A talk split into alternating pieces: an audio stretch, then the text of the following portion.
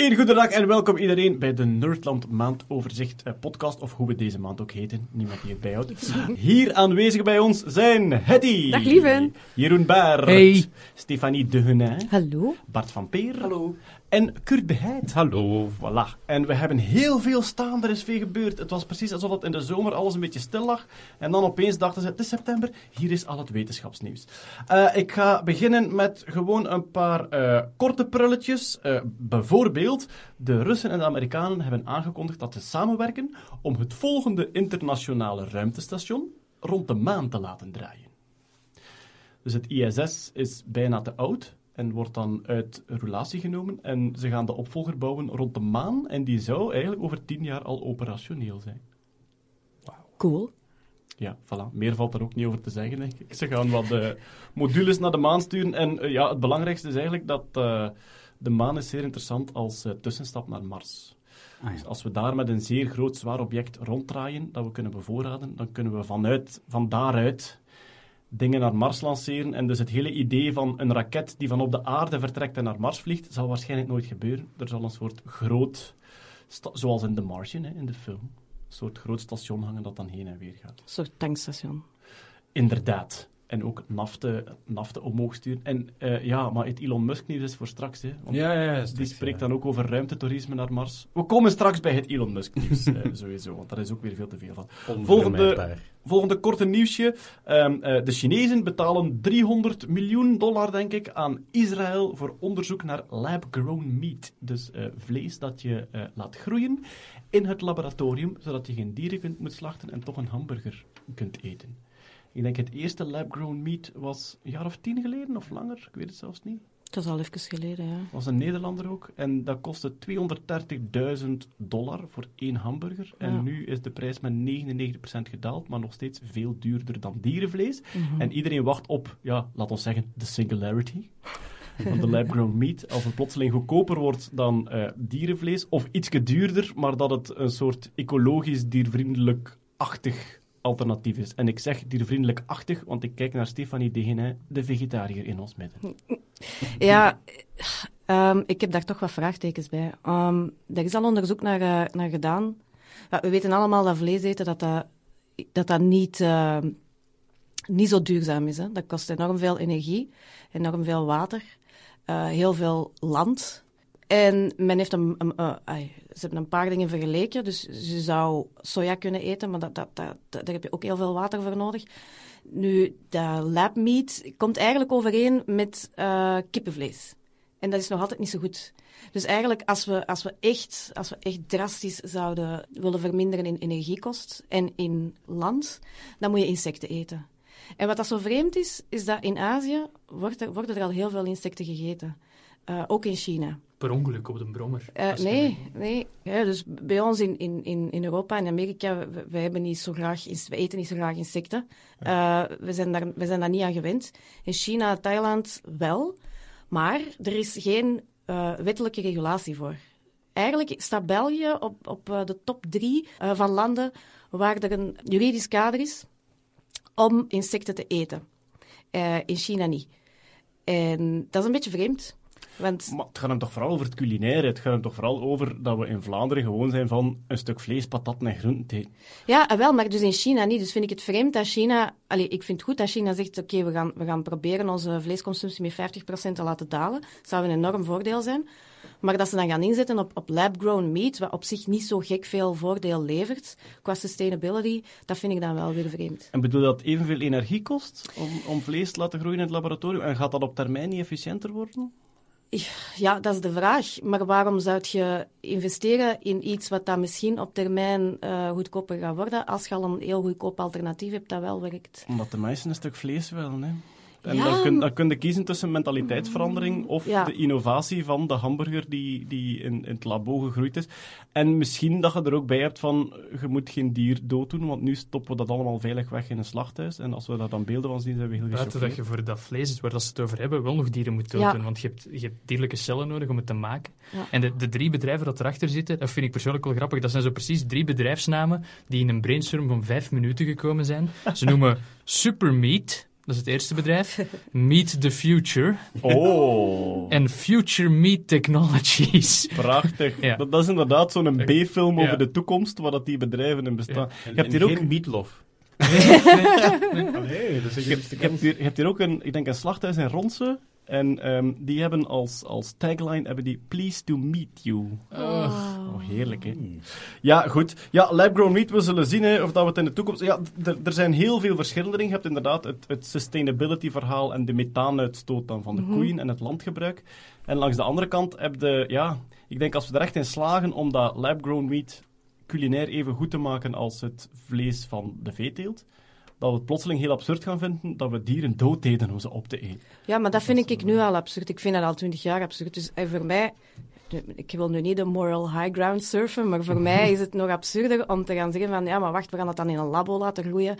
Terwijl, eh, ik heb ook al insectenburgers gegeten. Dat smaakt niet slecht, hoor. Dat smaakt niet slechter dan een kwornburger. Dus ja, als je daar dan meer op zou kunnen inzetten, dat dat dan voor de echte vleeseters nog meer smaakt naar vlees, ja, dan, dan ga je gewoon veel sneller vooruit. Het die ook al insecten gegeten? Ja, in ehm, het eh, eh, restaurant, eh, personeelsrestaurant van het UZ hebben ze twee jaar geleden een, een proef gedaan met insectenburgers. Oké. Ene keer, en ik vond dat eigenlijk super lekker, want het is nooit definitief op het menu gekomen. Dus ehm, Springkannen smaken naar nootjes, hè? Ja, het was zeer noodachtig. Dus, ja, eh, springkannen smaken naar nootjes. Ik, die heb ik al gegeten, maar wat je heel vaak merkt, dat is als er nu insecten aangeboden worden, dat die omwille van de gimmick nog in de insectenvorm zitten.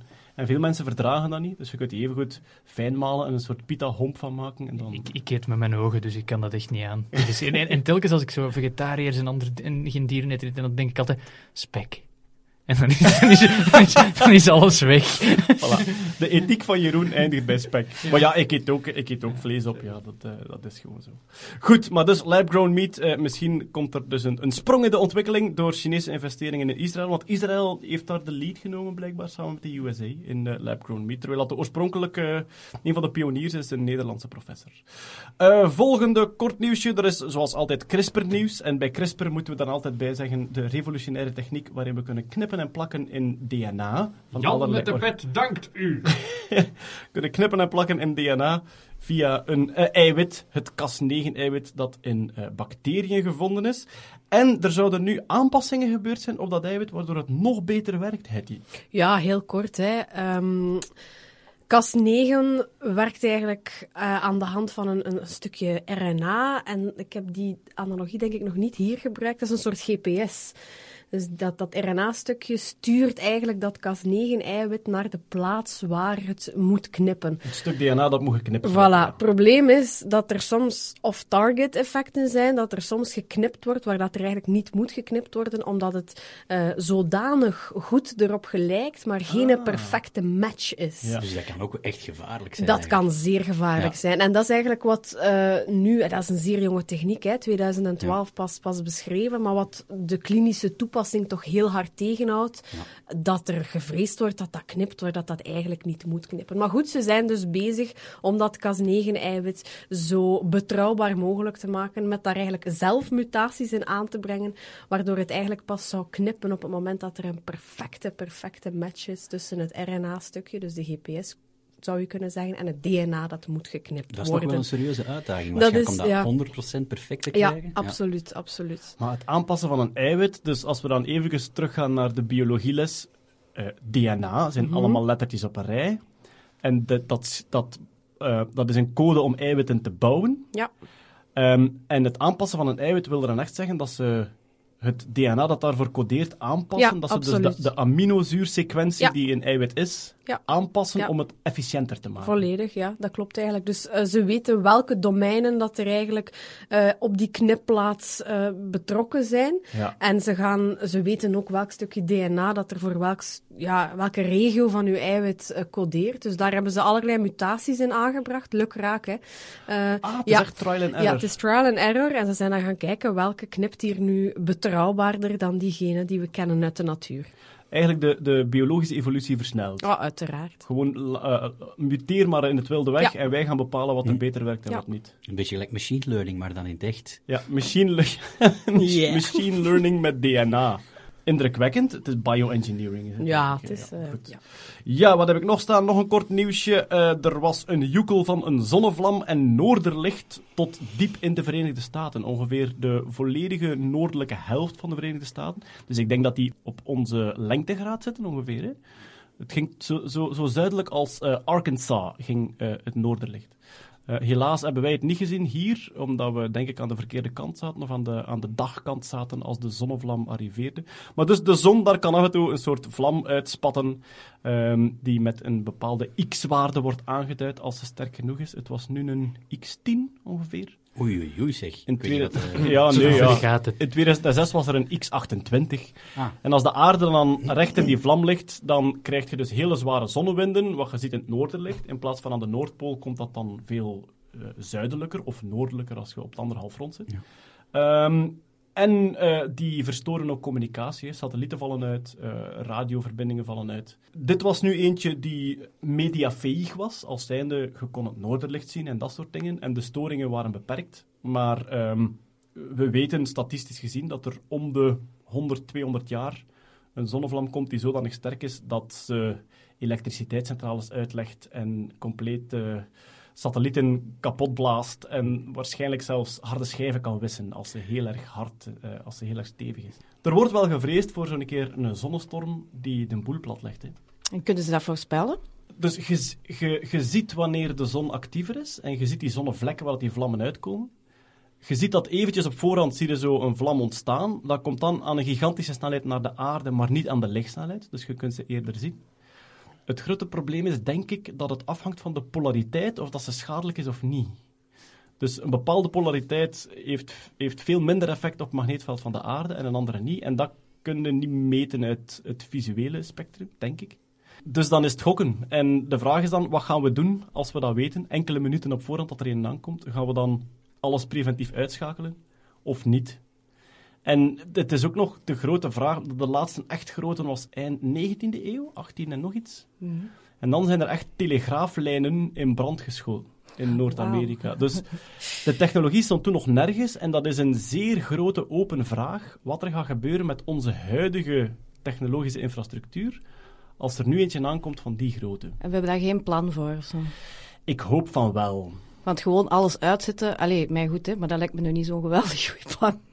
Ja, maar alles uitzetten om het terug te kunnen aanzetten als hij voorbij is. Want als je het laat aanstaan en het brandt stuk, dan... De grootste rampscenario's gaan over drie tot vier maanden tot volledig herstel van de infrastructuur. Stel je voor dat hij alle bankgegevens over de hele wereld wist en de wereld gewoon opnieuw kan beginnen. Een Fight Club scenario. Ja.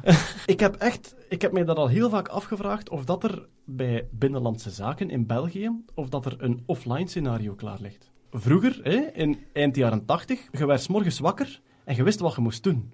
Zonder internet of mobiele telefonie. En vandaag is dat niet zo.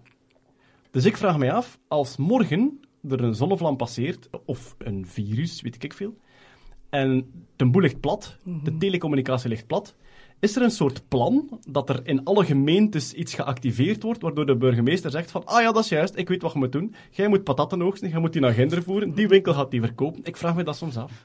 Maar bijvoorbeeld, weet jij wat je moet doen? Stel dat, stel dat maandag wordt jij wakker en jij hebt een soort planning voor de week, en opeens merk je, telefoon werkt niet en internet werkt niet. Weet jij wat je moet doen? Aan wie dat je iets moet vragen? Ja, maar, Waar dat je naartoe moet? maar ik ben doctoraatstudent, dus ik moet gewoon naar de bureau kruipen en ik moet een paar papers lezen. Ja, maar en wel. doen alsof ik druk bezig ben. Oké, als doctoraatstudent, je kunt geen computerspelletjes spelen. Wat ga je doen? Ja, zelfmoord plegen, duidelijk. Bon, we zullen wel zien. ehm, eh, ja, als het ministerie van Binnenlandse Zaken een keer wil brainstormen over het offline scenario, dan moeten ze maar bellen. Hè. Goed, ik heb nog één kort nieuwsje. En het is van Jeroen. Sinterklaas is dood. Sinterklaas is dood en hij ligt in Turkije. Hij zou, hij zou in het, in het Demre-district liggen. Vroeger werd dat Mira genoemd, zoals jullie allemaal weten. Ah. Eh, in een, een subdeel van Antalya. En daar hebben eh, eh, Turkse archeologen hebben een tombe gevonden, op scans. Ze hebben de tombe nog niet opengevezen. Daar zou Sint-Niklaas eh, liggen. Die is al zeker geboren daar, in de vierde eeuw na Christus. En origineel dachten ze dat hij in Italië lag, want daar zijn eens Italiaanse matrozen langs geweest. Die hebben het daar verschrikkelijk uitgangen. En die hebben zijn botten meegenomen naar Italië. Dus hij ligt normaal in de Basilica di San Nicola. Dus Italië is nu heel kwaad en die zeggen van totdat je daar botten van Sint-Niklaas naar boven haalt, ligt hem nog altijd hier. Er is oorlog over Er is Sinterklaas. oorlog over de botten van Sinterklaas. Dus die woont zelfs niet in Spanje. Die woont niet in Spanje. Maar die ik dacht dat hij nog leefde. Hetty, ik heb slecht nieuws je. ik heb dat dus effectief, ik heb dat dus effectief meegemaakt met mijn dochter, die dan, die dan in, in het bedje lag en die met een soort gefronste wenkbrauwen naar mij keek. En goh ja, ze is nu negen, dus die zal toen zeven geweest met gefronste wenkbrauwen. Papa, hoe kan het toch dat Sinterklaas al honderden jaren oud is? En zo echt heel kritisch naar mij kijkt. En ik hang dan het typische verhaal op van ja, dat is iets heel speciaal en die man en dat is zo. Met CRISPR tegenwoordig. Ja, voilà. En die kijkt naar mij en zegt, papa, wat zegt de wetenschap daarvan? En nu kunnen antwoorden. Wel, hij ligt dood in een crypte in Turkije. Voilà. En dan ben ik mompelend naar buiten gegaan, want zoals het spreekwoord zegt, when in doubt, mumble. Goed, dat waren de korte nieuwsjes. Over naar de langere onderwerpen. En laten we maar gewoon beginnen met de Nobelprijzen. Ze zijn uitgereikt. Sorry voor alle humane wetenschappers dat we de vrede en de literatuur eventjes eh, achterwege laten. Het gaat hier nu eenmaal over de exacte wetenschappen. De eerste was die voor geneeskunde, voor het mechanisme van de biologische klok. Klopt. Ja. Want dus ja, wij hebben een, een biologische klok die zich afstelt op de dag en de nacht. En die wordt momenteel nog langzaam ontrafeld hoe dat werkt. Of, Ja, eh, op moleculair niveau. Hè. ja.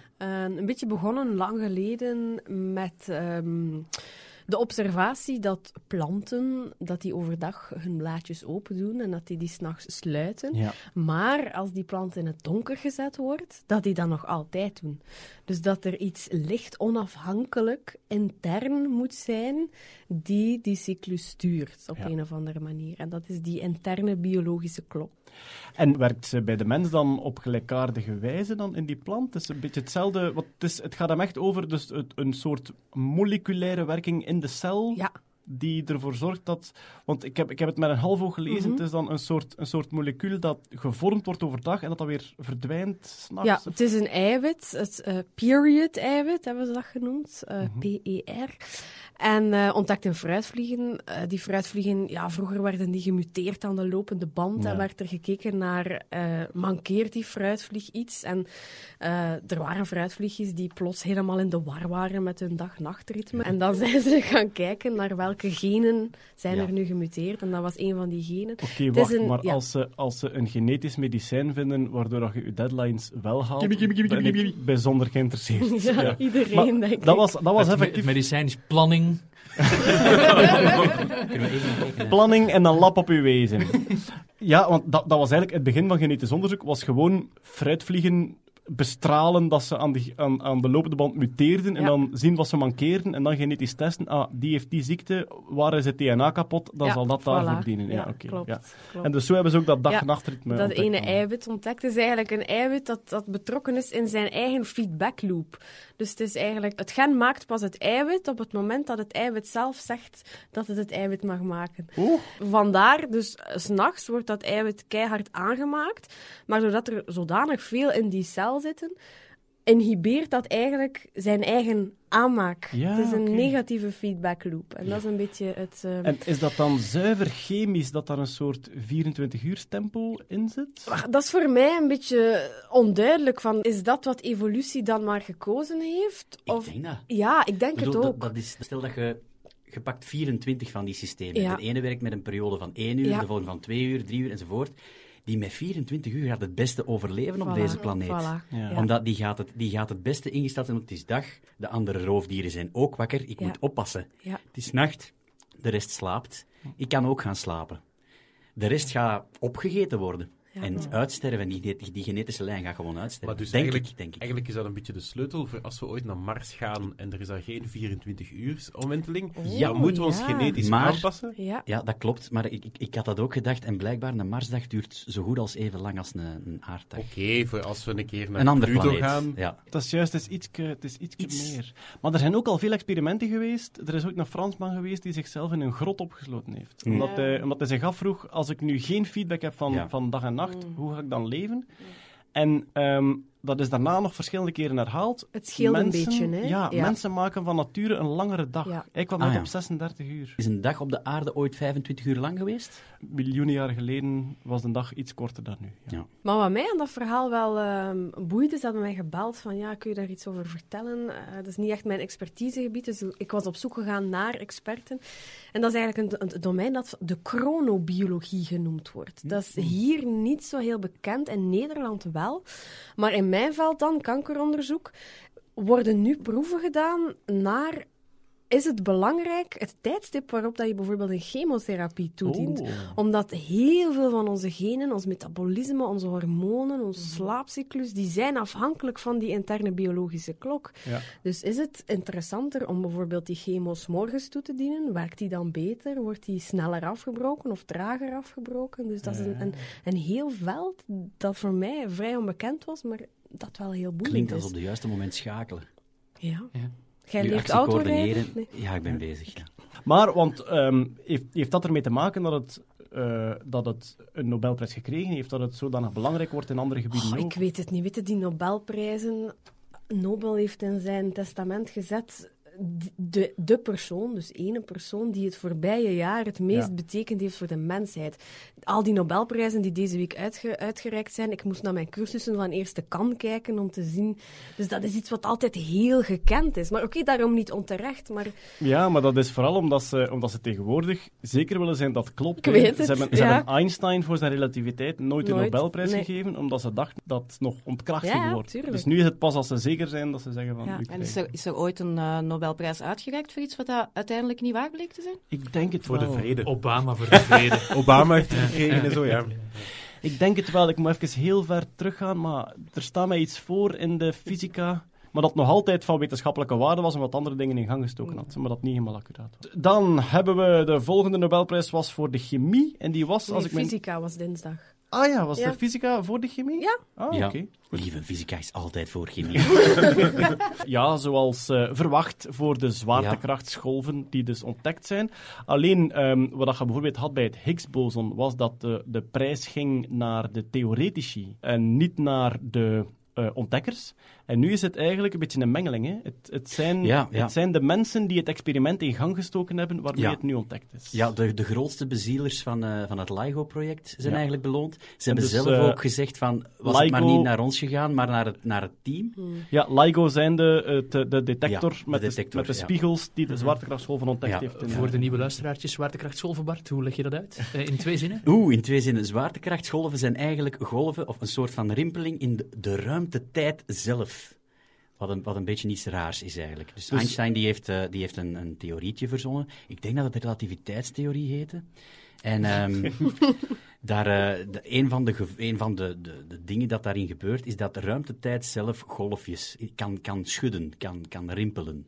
als er heel zwaar gefoefeld wordt met zware massa's, dus met zwaartekrachten, dan ontstaat er een soort golf. En wat golft er? Het is de ruimte zelf die een beetje langer en korter wordt. Dus Ja. als je, als je twee kilometer van elkaar staat, dan wordt dat, die een kilometer wordt een beetje langer en korter. Maar dan hebben we het echt over de kilometer zelf. Het, het ruitjespapier van de werkelijkheid Ja. wordt een beetje langer en korter. Alleen zodanig weinig 10 tot de min 12e meter, denk ik. ja, als het, als, het gaat, als het gaat over de afstand van hier tot de maan, hebben we het over minder dan een menselijke haar. Ja. En die LIGO-detector, die detecteert lengteverschillen van minder dan de straal van een atoom. Waardoor Einstein zelf dacht dat het nooit gedetecteerd ging kunnen worden. Hij dacht echt dat het technisch onmogelijk was. Vandaar vind ik die Nobelprijs wel... Want zij zeggen zelf van, was het maar naar het team gegaan? Ik snap dat ze dat zeggen. Maar het meest spectaculaire voor mij is het moment dat je beslist, we gaan dat wel doen. Wij gaan met spiegels op een afstand van, wat is het, 4 kilometer of zo, Mhm. Ja. gaan wij een eh, lengteverschil van minder dan een Ja. atoombreedte gaan wij wel kunnen detecteren. En dat vind ik eigenlijk... Maar dat is, dat is een hele grote gok geweest, zal ik zeggen. Gok voor de geldschieters. De, ehm, de bezielers van het project die waren, die waren natuurlijk vol van hun missie en die zeiden, maar ja, dit moeten we bouwen. Ja. Ehm, de initiële plannen, dat is in de jaren 60, dat, dat, of, of de laatste jaren 60, dat die eerste ideeën daarover geconcipieerd werden. Van, we moeten een zwaartekrachtsgolfmeter bouwen. En dat heeft dan 40 jaar, eh, is dat zo'n beetje blijven nazitten. Ik denk dat in 1994 de eerste aanzetten gebeurd zijn om, effe- om, om er effectief aan te beginnen. Daar hebben heel veel mensen op gezeten, dus, dus ik denk dat voor die commissie van eh, Nobel nog niet zo gemakkelijk geweest is om te zeggen wie krijgt hier nu juist eh, Ja. de Nobelprijs. Maar als geldschieter, en dat is dan voornamelijk het, eh, wat is het, NFS? Of ik ben de juiste afkorting kwijt. In ieder geval de, de instantie die instaat voor het fun, de funding van wetenschappelijk onderzoek in Amerika. Ja, die hebben, die hebben een gigantische gok genomen, want ik denk dat het ook het duurste project ooit is. Duurder dan CERN en eender welke detector die ooit gebouwd is. Duurder dan CERN? Ja, ja, ja, ik denk het wel. Damn. Eh, zou ik eens moeten checken, maar ik, ik vermoed van wel. En, en ehm, die hebben twintig jaar zonder resultaat gezeten. Ja. En dus twintig jaar moeten die elke keer in Congress gaan vertegenwoordigen. Nee, nee, nee, die LIGO-detector, dat, is, eh, dat is de moeite. We gaan daarin blijven investeren. Maar dat, is, dat is een gigantische gok. Vooral eh, vooruitgestuurd door ja, de, de, de wetenschappers die ook zien dat, dat er al veel bevestigd geweest is van Einstein zijn theorie, dat die zwaartekrachtgolven waarschijnlijk de volgende stap is. En, en die hebben elkaar daarin vertrouwd en een risico genomen. En dat is, dat is ja, fantastisch mooi wonderwel eh, uitgedraaid. Zijn we daar nu iets mee? We hebben twee leuke tunnels met een spiegel in. Wat ik nog altijd fantastisch vind is, en dat is ook op de conferentie eh, gezegd, 400 jaar geleden heeft, was het Galileo die voor het eerst gekeken heeft naar Jupiter met een telescoop en dan de vier manen gezien. En dat was zo het begin van spectroscopie op basis van elektromagnetische golven. Dus, dus trilling, trilling licht en die toestanden Toen zichtbaar licht, ja. zichtbaar licht doen. En, en omdat dat toen van de grond gekomen is, heeft iedereen beseft van, oeh, dat is iets, daar kunnen we iets mee zien. En nu kijken wij in alle mogelijke golflengtes naar, naar een hoop objecten in het universum. Eh, infrarood, UV, van alles. En we krijgen dan een hoop informatie. Dat is een extra oog dat wij toen gekregen hebben om, om mee naar de realiteit te krijgen. Plots zagen wij dingen die er altijd al geweest zijn, maar die, waar wij blind voor waren. X-stralen en... Ja, Ja, en, en, en, en, en objecten in het universum die dat wij gewoon niet konden zien, want wij, wij keken gewoon met, onze bloot, met ons blote oog naar de hemel. En dan alleen maar in het, eh, in het visuele spectrum, dus gewoon lichtstraaltjes, sterretjes zagen wij. Over een periode van 400 jaar hebben we dat ontwikkeld tot telescopen in alle mogelijke golflengtes. En dus nu staan we eigenlijk aan het begin van alweer een vierde oog eigenlijk.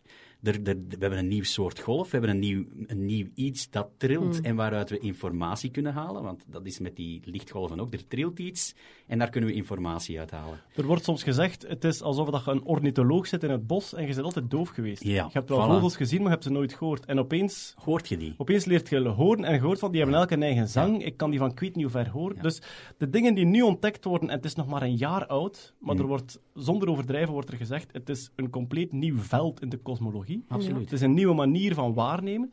De dingen die nu ontdekt worden, dat zijn botsingen van zwarte gaten. Die, de theorie is nu al herschreven op basis van vier observaties. Is er al geherdefinieerd hoe zwaar dat zwarte gaten zijn, hoe, hoe frequent dat ze voorkomen enzovoort. Dus het is een compleet nieuw veld dat ons gigantisch veel gaat bijleren over objecten die we tot nu toe niet konden zien, namelijk zwarte gaten op ja, 4 miljard lichtjaar van hier. Dus er, ja, er is groot, groot enthousiasme. Ja, dat is fenomenaal. Maar, maar ook bijvoorbeeld ehm, evenementen die, dat we, die dat we nu klassiek waargenomen mogen noemen, een, een supernova, Ja. waar, waarvan we op voorhand moesten gokken van... Ja, we wisten dat niet. We kunnen niet voorspellen wanneer een ster supernova gaat gaan. Dat, dat, is, dat is heel moeilijk. Ja, je kunt wel een beetje een soort van inschatting maken van die ster zit op het einde van zijn leven. Maar een supernova, denk ik, vandaag is nog altijd ja, hopen dat het in, in, in het kleine stukje universum waar je naar aan het kijken bent, dat er, da- dat er daar iets in gebeurt. Als je op zoek bent naar supernova tenminste. Nu zou je met die zwaartekrachtdetector een zwaartekrachtsgolf dat die, die, die supernova veroorzaakt heeft binnenkrijgen en zeggen van jongens, ik denk dat we morgen onze detector eens in de buurt van die ster moeten zetten.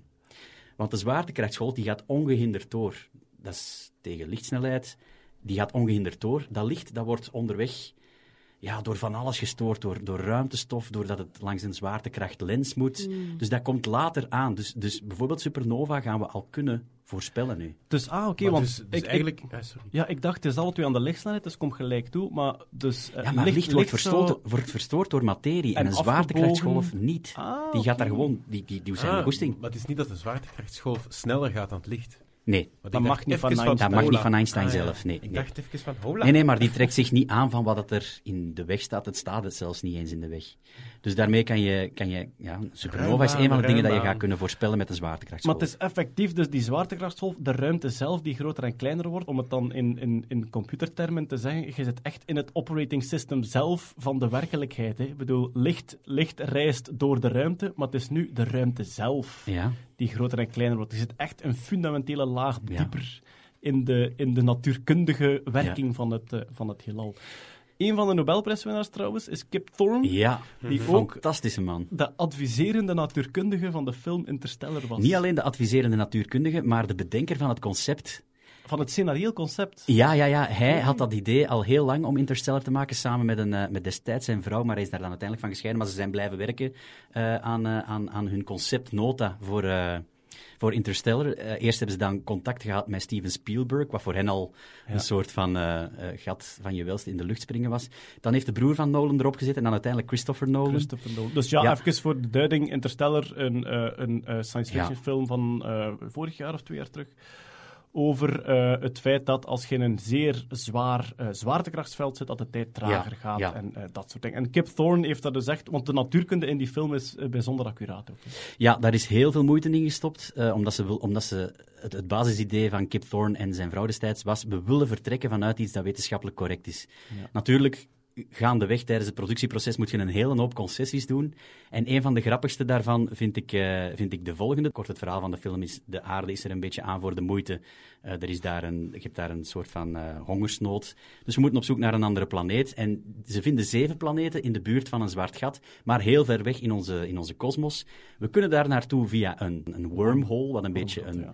Om het kort te zeggen, een, een shortcut is doorheen de ruimte naar, daar naartoe. En Kip Thorne stelde destijds voor, in zijn conceptnota aan, aan, eh, aan Nolan, we hebben dat zwart gat ontdekt omdat dat zwaartekrachtsgolven uitstuurde doorheen dat wormhole. En, en die hebben we hier op de aarde gemeten met, mag ik even uitleggen Nolan, LIGO. Dat is een projectje waar ik mee bezig ben. Een klein projectje waar ik mee bezig ben. Dat is een detector die zwaartekrachtsgolven gaat meten.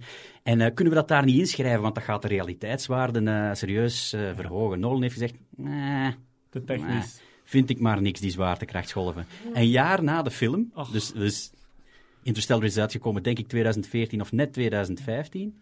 Een jaar na de film worden die zwaartekrachtsgolven ontdekt. Je moet je inbeelden wat dat geweest was. Ja, Mocht Nolan gezegd van, ah ja, doe dat maar van die zwaartekrachtsgolven, vind ik nog wel creatief. Oh, wauw. Dat die is film had zo profetisch geweest en die had onmiddellijk opnieuw in alle zalen gespeeld. En ja. Hollywood een jaar voor de echte ja, wetenschap absoluut. zou geweest zijn. En was twee jaar voor de Nobelprijs zelfs. Maar het was toch ook dat, op basis van de berekeningen van, van eh, Kip Thorne, dat eigenlijk met het filmbudget de eerste visualisering van zijn Ja, theorie kon ja. gemaakt worden ook. Hè. Absoluut, Daarom de absoluut. visualiseringen in die film van de Zwarte Gaten wel, ja, voor zover dat mogelijk is natuurlijk, wetenschappelijk correct zijn. Ja, ja, ja. Ze, dus ze, is- hebben daar, ze hebben daar onwaarschijnlijk zware computers die zelfs, eh, die zelfs de, de, de grootste reuzen in fysica-land dan niet hebben. Maar Hollywood wel, hebben ze laten rekenen op hoe ziet een zwart gat er eigenlijk uit. Er is één Daar is dan- bepaald, één bepaald beeld in de film waar dat ze vanuit het ruimteschip kijken Ja. naar het zwart gat en daar hangt een lichtgevende schijf rond. Ja, van dat, is- dat is iets nieuws, dat is iets dat ze niet verwacht hadden. materie die, binnengezogen, materie die binnengezogen wordt in dat zwart gat. Maar als je kijkt in de film, zie je die schijf voor het zwart gat zie je die als schijf. En dan zie je die afbuigen en hangt die eigenlijk boven en onder het zwart gat ook. En dat komt dus door de lichtafbuiging van de zwaartekracht van dat zwart gat. En dat was een compleet nieuw resultaat. Ja, er is zelfs een publicatie van gekomen. Publicatie in Ja. Nature op basis van een Ja, te gek. Wat ik me nu afvraag, wat is, dat is wat, dat, wat dat Kip Thorne zijn um, Erdős Bacon getal is sinds die film. Want hij heeft een Nobelprijs gewonnen, dus hij zal een, een laag Erdős getal hebben. Dus het Erdős getal, ja, hoe, hoe dicht bij Paul Erdős dat je zit in wetenschappelijke publicaties. En het Bacon getal, hoe dicht dat je zit in cinema bij Kevin Bacon. Dus Ja. we gaan eens moeten kijken wat zijn Erdős Bacon getal Het wordt bijna tijd om een Kip Thorne getal in te, noemen, eh, in te voeren, vind ik. We gaan het gewoon morgen starten. Hè. Ja. Ja, ik begin al aan het Wikipedia-artikel. Nog één iets over zwaartekrachtsgolven. Omdat dat natuurlijk een compleet nieuw gebied in de eh, natuurkunde is, eh, worden er overal zwaartekrachtsgolfprojecten opgezet. Ik denk het meest ambitieuze. Ja, de, de Europese Virgo in Italië is nu actief. Die heeft nu ook zijn eerste detectie van zwaartekrachtsgolven gedaan. Ja, Ehm, en daardoor kunnen ze dus ook het gebied... Dus Met triangulatie. ja, echt een, een gebiedje afbaken. Op voorhand was het een soort van boog, met de twee die dat ze hadden in Amerika. Een Ja. boog aan de ruimtekoepel, waarvan ze konden zeggen, ergens in die boog ligt de bron. En nu met eh, Virgo in Italië erbij kunnen ze zeggen, het is, het is ongeveer dat gebiedje. driehoeksmeetkunde en Ja. is heel, heel precies. Eh, een project voor in de verdere toekomst zijn eh, drie satellieten die op, ik denk, een miljoen kilometer van elkaar in de ruimte hangen en die dus laserstralen naar elkaar sturen, waardoor dat je nog beter kunt detecteren. En in de Europese Unie wordt er nog een nieuwe detector gepland en een van de mogelijke locaties is het drie landenpunt België, Nederland, Duitsland. Dus er zou vlak bij ons... En gebeurt er ook eens iets. hè? Ja, er zou vlak bij ons kunnen een Aan dat komen- betonpaaltje daar zo. Ja. En hij krijgt dan hij krijgt, eh, drie armen, dus hij wordt eh, in een gelijkzijdige Ah ja, drie, hè. driehoek.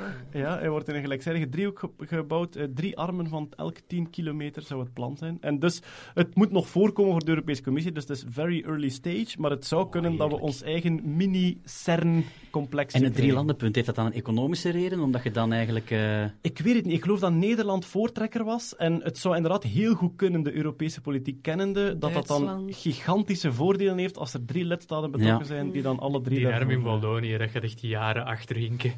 dat gaat echt duren. Oh, Dat wordt waarschijnlijk ook zo het, het, het, nieuwe, hel- het nieuw hellend vlak van Ronquière, zo de economische steun aan... eh, ik ga alvast eh, een thriller schrijven rond eh, de detector in het drie landenpunt. Ja, een soort Dan Brown-achtige... Ja. is een Dan dat er een Nobelprijs van komt. Goed, we hebben nog één Nobelprijs in de exacte wetenschappen te gaan. Dat was die voor chemie. En Ja. die ging naar cryo-elektronmicroscopie, Ja. die mee aan de basis lag van het onthullen van eiwitstructuren. Eiwitstructuren, ja, dus eiwitten, een beetje de nanorobots die al het werk doen in onze cellen. En het gaat hem dan vooral over hoe, hoe zijn die samengevouwen, die gigantische moleculen, Ja. om hun werk te doen. En die bedoelen ze dat, ze daar echt, dat, ze, dat je die onder een microscoop die structuur echt kan bekijken. Ja, echt wel. Want vroeger was, dat, vroeger was het typisch, werd dat soort dingen met röntgen, röntgenstra- dus, um, röntgenweerkaatsingen op moleculen. Straaldifractie, Zoals ja.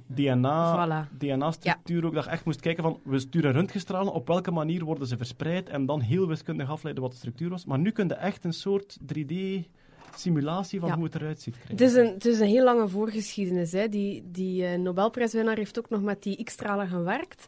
Maar eh, die had dan niet de resolutie eh, die, dat, die hij nodig had voor een bepaald eiwit.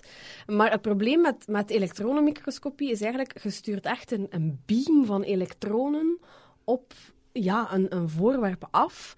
Ehm, men dacht vroeger altijd dat dat alleen maar voor dode materie kon gebruikt worden. Moet eens googlen, cryo-EM, die, die, die beelden zijn echt fantastisch. Je kan daar uren naartoe kijken. Dat is zo... Ja, ze zijn aan het googlen. Yes. Een van die Nobelprijswinnaars heeft ontdekt hoe dat eigenlijk in, in vloeistof kan gebeuren. En die cryo staat voor eh, zeer, zeer koud maken.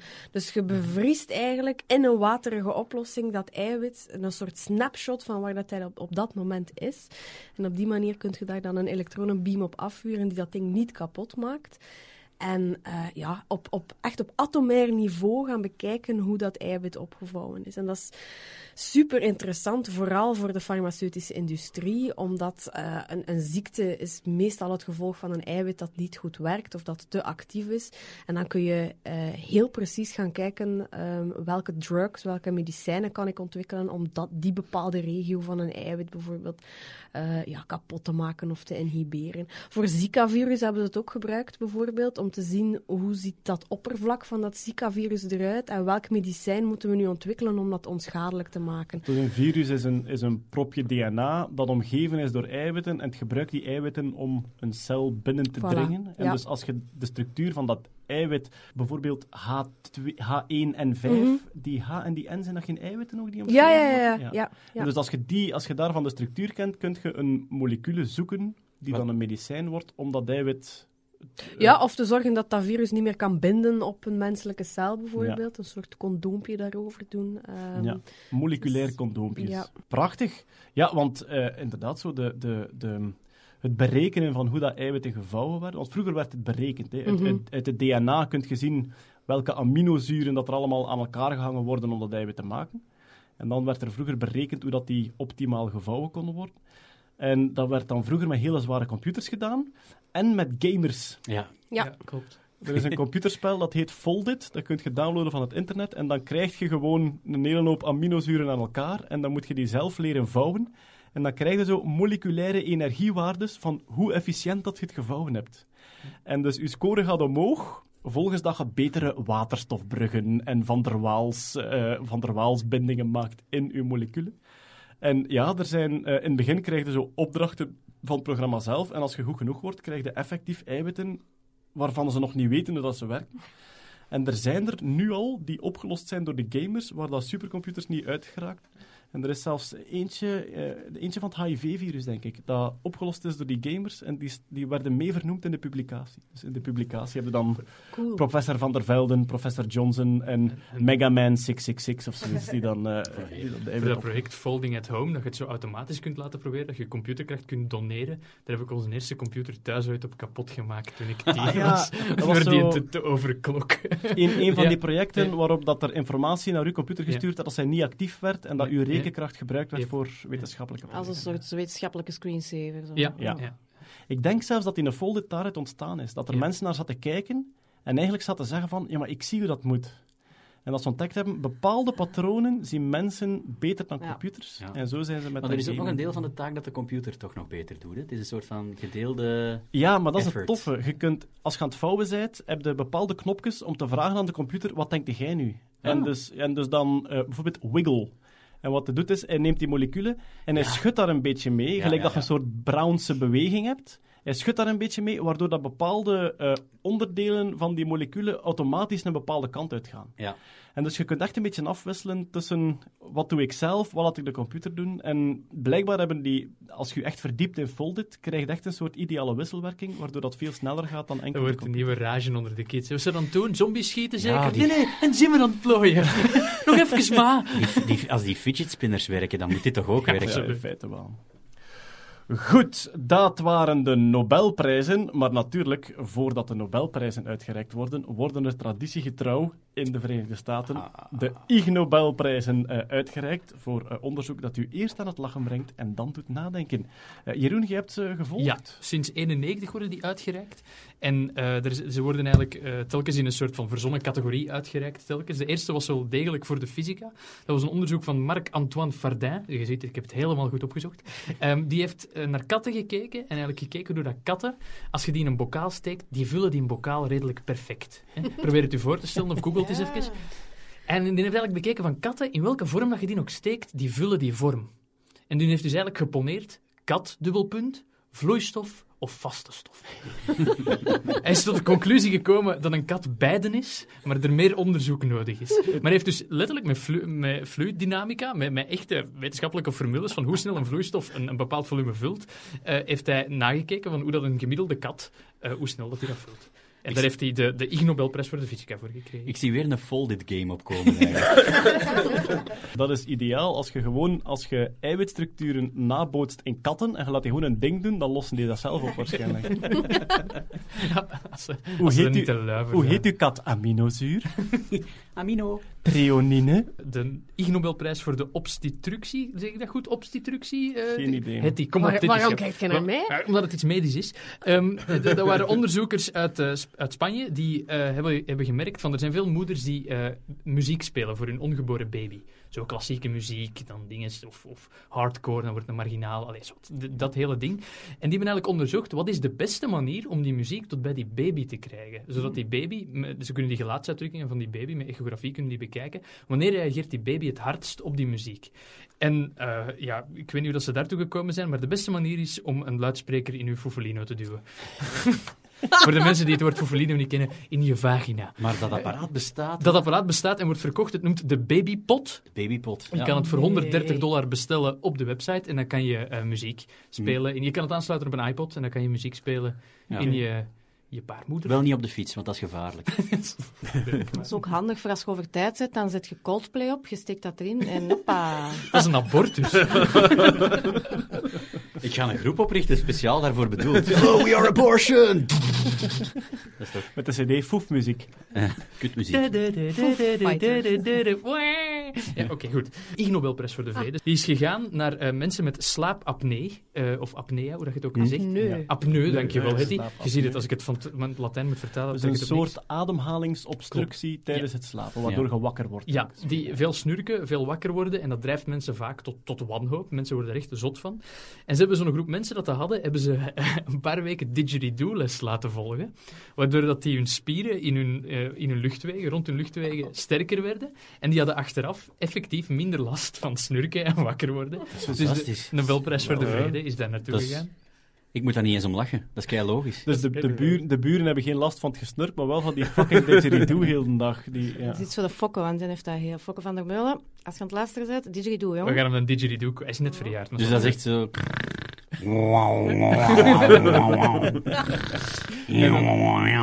De Ig Nobelprijs voor eh, de eh, geneeskunde is gegaan naar eh, Franse wetenschappers die zagen sommige mensen vinden kaas yummy en sommige mensen vinden kaas yakky. Hoe komt het dat die mensen die kaas yakky vinden, waarom vinden die dat yakky? En die hebben die mensen verschillende kazen laten ruiken, terwijl ze onder een, een elektromagnetische resonantiescanner eh, waren. En die hebben gezien dat het, het beloningscentrum in je hersenen wordt uitgeschakeld wanneer dat je iets ruikt dat je absoluut niet lust, waar je een afkeer van hebt. Ja. En dus daarom komt die, die lichamelijke reactie ook van... "Ah."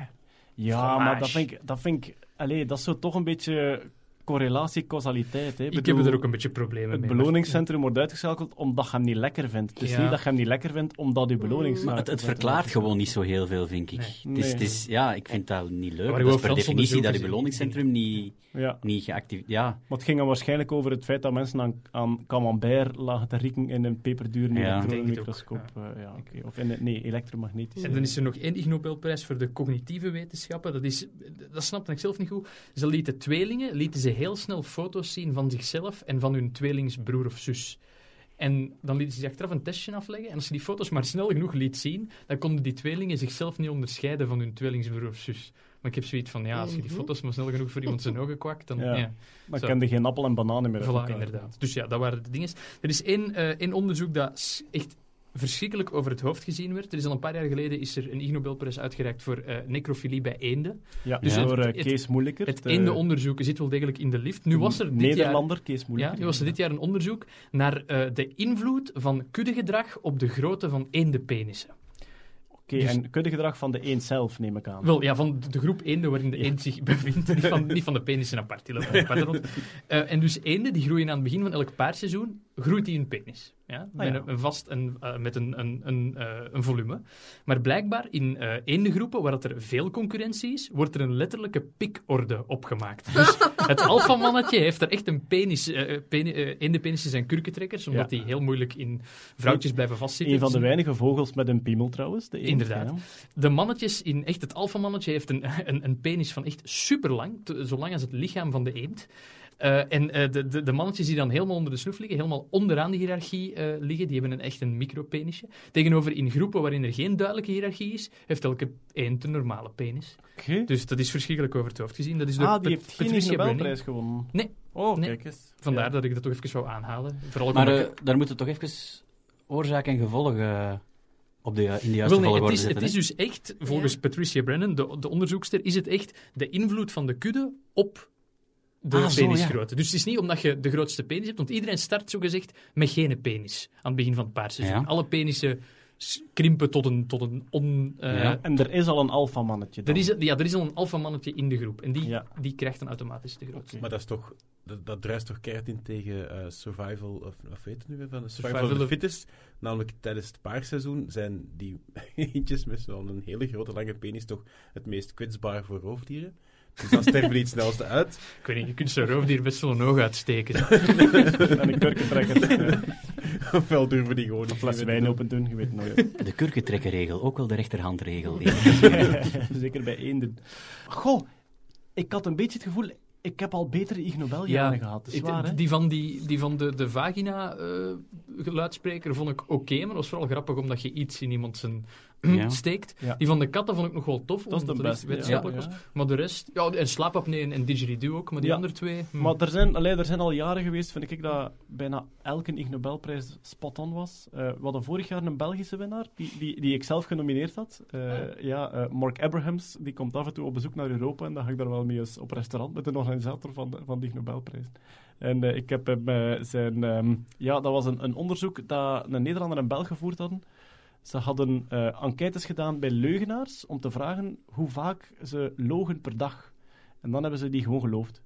Ehm, Goed, Dat waren de Ig Nobelprijzen. Laat ons maar onmiddellijk overgaan naar ons favoriete hoofdstuk uit deze podcast, want het zal een lijvige brok worden. Het Musk-nieuws, Musk-nieuws, Musk-nieuws. Ja, eh, Musk was eh, redelijk actief. Ehm, ja, en laat ons maar gewoon beginnen met die elephant in the room. Hè. We kunnen er niet omheen. Hij heeft een nieuw lief, zeg. Hij heeft een nieuw lief. Volgens, volgens verschillende blogs heeft hij een geheim weekend in Las Vegas doorgebracht met Angelina Jolie. Tum, tum, tum. Tum. Pas weg bij Brad Pitt, omdat Brad Pitt een beetje had gevoeld met Marion, met Marion Cotillard op de set van... en, en eh, drugs gedaan had. en drugs gedaan en niet goed voor de kinderen was. Zwat, allemaal circumstantial. Dus ze zouden een geheim weekend hebben doorgebracht in Las Vegas, Elon Musk en Angelina Jolie. Ze zouden elkaar kennen van op de humanitaire events die ze alle Ja. twee doen. Angelina Jolie is ambassadrice voor de, Ja. de United Nations. Ze zijn op dat weekend niet samen toegekomen, volgens de blogger in spe. Maar dat is net om de pers om de tuin te leiden, natuurlijk. En eh, ze zijn nog niet klaar om het met het publiek te delen, de relatie. Maar het is dus wel degelijk waar, Bij volgens deze. één blogger ergens. Dus het zijn allemaal geruchten, Ja. maar ze zijn hardnekkig genoeg om ze geloofwaardig te achten, of hoe moeten we dat omschrijven? Wow. Ik denk dat het... Ik denk dat het Als je een beetje googelt, dan zie je eigenlijk dat het alleen maar in de Vlaamse en in de Spaanse pers Is naar het waar? gekomen. Ja. Maar Ah, de dus- Spaanse en de Vlaamse sensatiepers, Kurt, is Ja. de beste van over de hele wereld. Dus binnenkort in Gert Late Night, eigenlijk. Waarschijnlijk, eh, ja. Oké, we, zijn, we zijn benieuwd. Angelina Jolie en Oh, Elon Musk. We hadden al zitten nadenken over zo, gaat Brangelina, wat dat het dan voor, eh, voor Jolie en Musk zou De zijn. beste suggestie op Twitter vond ik Muskolie. Ja. Musk, ja, maar dat klinkt als een eufemisme voor iets anders. Eh Elolie kan ook. Elolie. Want Ja. dat is meer Elolie Elouedrao. Ja, ja, vind ik ook. Ehm, ja, we zullen zien wat we ervan... Wat, Angelelon. Ja, Angelelon, dat klinkt nog wel goed, vind ik. Dat klinkt als een Angelelon. Nee, dat klinkt zo meer als zo de kleine van de Marginal Kopper. Angel Angelelon! Angelelon. Angel Angelelon, hij zit op de voetbal. Angelelon.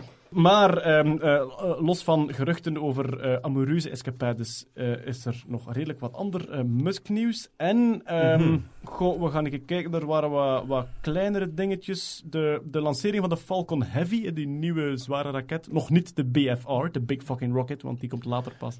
Die zou in november gepland staan. Er zijn nu geruchten dat die uitgesteld zou worden, maar die worden officieel compleet genegeerd. Dus we weten het niet. Maar er staat nog altijd officieel een lancering gepland van de Falcon Heavy in november, waarvan Elon Musk gezegd heeft... Ik denk dat hij gaat ontploffen en ik hoop dat hij ver genoeg van het lanceerplatform is dat het niet kapot is. Dat is eigenlijk zijn omschrijving Alles van dat, die- en alles dat Elon Musk nu zegt, stel ik me voor in een seksuele context met Angelina Jolie. Dat is nu voor de rest, dat is nu voor de rest van de avond. Er was eventjes een foto gelekt van de elektrische semi-truck. eh, Dus eh, Tesla zou werken aan, een, aan geen een full-blown vra- vrachtwagen, maar een iets lichtere vrachtwagen die ook elektrisch en zelfstandig zou rijden. Maar Musk heeft ook al laten weten dat de officiële voorstelling ervan uitgesteld is. Onder andere door zijn plannen met Puerto Rico. Dus er is een orkaan gepasseerd in Puerto Rico, waardoor de infrastructuur plat lag. Ja, en de gouverneur van, van Puerto Rico die eh, zat op Twitter en die zei van zeg Elon, eh kunt je dat hier eh, even komen fixen? En Elon zei, "Boah, ja, voor wat niet? Ik bel u vanavond. En dat is al wat we nu weten. Maar ey, we weten ook dat de Hyperloop ook zo is eh, ontstaan uit een soort frustratie-mopje, allee, zo'n soort half mopje van, van, eh, van Elon Musk op Twitter. Dus ik zou het wel serieus nemen. Ik zou het in toog houden. Hij is echt Iron Man aan het worden nu, hè? Tony Stark Oh my god. Iron Man. Ja. Puerto Rico is in trouble. En hij heeft nu eindelijk zijn Gwyneth Paltrow ook, hè, zoals een... eh, Ja, maar, maar op zich, het is inderdaad, het is alleen nog maar dat. Maar ehm, net zoals Apple, hey, de cashreserve van Musk is niet zo heel groot, maar die zou Puerto Rico kunnen kopen op een manier. Allee, niet letterlijk Ja. kopen, maar als hij daar een substantiële investering doet, heeft hij gewoon een land. Drie jaar later, welkom in Muskland. ja, Maar ja hij- dat zou kunnen. Ja. Hij gaf dat als reden bij die semi-trucks, van eh, de, de release van de semi-truck is uitgesteld, want we hebben te druk met andere dingen, zoals het Puerto Rico-project. Dus, ofwel heeft hij gewoon gebruikt als excuus om zijn, zijn. om zijn truck achter de hand te Want hij heeft nog excuses nodig, want met de Model 3... Ik ga toch even pissen op eh, Elon's parade. Ja. De Elon 3-productie... de- Sorry, de Elon 3-productie. Sorry, dat is, hij is al kindjes aan maken. Nee, de Model 3-productie eh, loopt, loopt achter, loopt Ja. niet goed. Eh, omdat er blijkbaar nog stukken manueel in elkaar gestoken moeten worden in de fabrieken. Ze hadden er tegen nu al 1500 moeten afleveren. En het zijn er maar 260. Oei. Dus ja, kijk. Koren op de molen van de Musk-skepsis van. Jeroen Baert. Wij, wij vieren dat nieuws telkens. En wel, Allee, maar... geniet ervan. Ja. Wel, maar, maar, we hebben nu, de voorbije weken is dat een paar keer gebeurd. Dus we hebben eh, ons, ons rolletje, namelijk de Musk-believers, iedereen, en de Musk-skepsis, alleen Jeroen. En het is al een paar keer gebeurd de voorbije weken dat Jeroen zei van, oké, ik moet jullie in dit of dit toch bijtreden, dat heeft hij goed gedaan. Maar we zitten deze week met een omgekeerd scenario. Er is op een bepaald punt Musk-skepsis bij de believers namelijk over zijn project van zijn suborbital spaceflight. Dus hij gaat een hele grote raket bouwen en hij zegt, die raket kan niet enkel gebruikt worden voor ruimtevaart, we kunnen die ook gebruiken voor personenvervoer en dan kun je naar elke plek op de aarde reizen binnen het uur. Dus van hier naar Australië in een uur, door een raket te lanceren, bijna tot in de ruimte te gaan, ja, eigenlijk tot in de ruimte te gaan, maar niet snel genoeg om in een orbit te geraken, terug naar beneden te komen en een uur later staat hij in Australië. En daarvan, Kurt, Vooral eh, het project op zich, eh, technisch kun je uiteraard doen, maar het is vooral de economische rea- eh, rendabiliteit daarvan. Want hij zegt er ook bij van, ehm, op termijn gaat dat eigenlijk voor dezelfde prijs als een regular airplane ticket zijn. Dus Ja. eigenlijk pakt ongeveer 500, 600 dollar om van inderdaad Amerika naar Australië te vliegen. En vooral daarbij zijn er heel wat ehm, bedenkingen. Maar ehm, een beetje opzoekwerk daar rond gedaan, uiteraard. En ehm, ja, het is wel geniaal wat hem bedenkt. Want het volgt weer heel erg zijn strategie. Net zoals bij Tesla bijvoorbeeld. Hij begint met iets van, ja, dat moet gebeuren. We maken dat eerst voor een hele kleine niche-markt. Heel duur. Hè, de Tesla Roadster, de eerste elektrische sportauto. Dan maken we dat iets breder naar de duurdere, eh, naar de rijkere mensen. De Tesla Model S. En dan de derde stap is, we maken affordable voor het bredere publiek de Model 3. En eigenlijk doet hij dat met raketten zou een, ey, zou je kunnen interpreteren dat hij dat ook aan het doen is. Hij begint namelijk met raketten te maken met satellieten af te schieten. Daaruit haalt hem heel die know-how, heel die R&D, om raketten dan te kunnen hergebruiken, om op die manier de kostprijs naar beneden te halen. Zouden een tweede stap kunnen doen van, kijk, ik maak dat nu Earth-to-Earth voor de hele rijke mensen. Het zou, de eerste tickets zou wel 10.000 tot 15.000 dollar, volgens de berekeningen op eh, Reddit en andere websites en zo zijn. Wat dat gigantisch veel geld is. Maar ja, er zijn misschien wel mensen die dat, dat willen betalen om van Amerika naar Australië te gaan. En zeker businessmensen, hè, time is money en zo. En er worden heel veel vergelijkingen gelegd met bijvoorbeeld de Concorde. Die deed dat ook tussen Parijs en ik weet niet meer waar juist. Maar dat was een directe... Ja, voilà, en ook een heel direct wat eigenlijk heel duur was, maar businessmodelgewijs ehm, is dat dan wel in elkaar gezakt. Maar er was wel vraag naar duurdere, snellere vervoersmiddelen. En dan zou ik kunnen zeggen, ja, de derde stap is dan wel, we maken dan op termijn, over x aantal jaar, dat dan goedkoper, zodat dat iedereen tegen een, een, een regular tarief daar zou naar kunnen gaan. En ik hoor jullie al denken van, ja, maar waar haalde daar rendement, rendement in natuurlijk? Want ja, je hebt altijd wel die brandstof nodig, je hebt die raketten nodig, je hebt de lanceerdingen nodig. Want die energie is ook gigantisch die je nodig hebt. Hè? Ja, de energie is gigantisch die je nodig hebt. En daar zit eigenlijk een beetje een, een, een, heel slim dingetje in. En hij wil dat met methaan doen. En ehm, in principe zijn huidige raketten eigenlijk de meeste, de, de, de gebruikte brandstof voor raketten is eigenlijk voor hij- wat hij gebruikt is zo'n rock- rocket grade kerosine, zo'n RP1. Ja, dat dus, een- wat dat gigantisch belangrijk is bij, je Ja. rocket, is- eh, bij, bij een raket, is dat de verhouding eh, gewicht en chemische energieinhoud zo Mhm. optimaal mogelijk is, omdat Ja. je al die in het begin heel veel brandstof meeneemt in de lucht. En daarom Ja. ligt die nog een stuk hoger dan onze benzine en ook hoger dan methaan. Ja, voilà. bijvoorbeeld, je kunt ook niet op elektriciteit een raket lanceren. Nee. Iedereen denkt van, hij zal wel op elektriciteit doen, maar dat gaat niet. Maar via een tussenstap wel. Ehm, zijn plan is om dat met methaan te doen en met zuurstof erbij.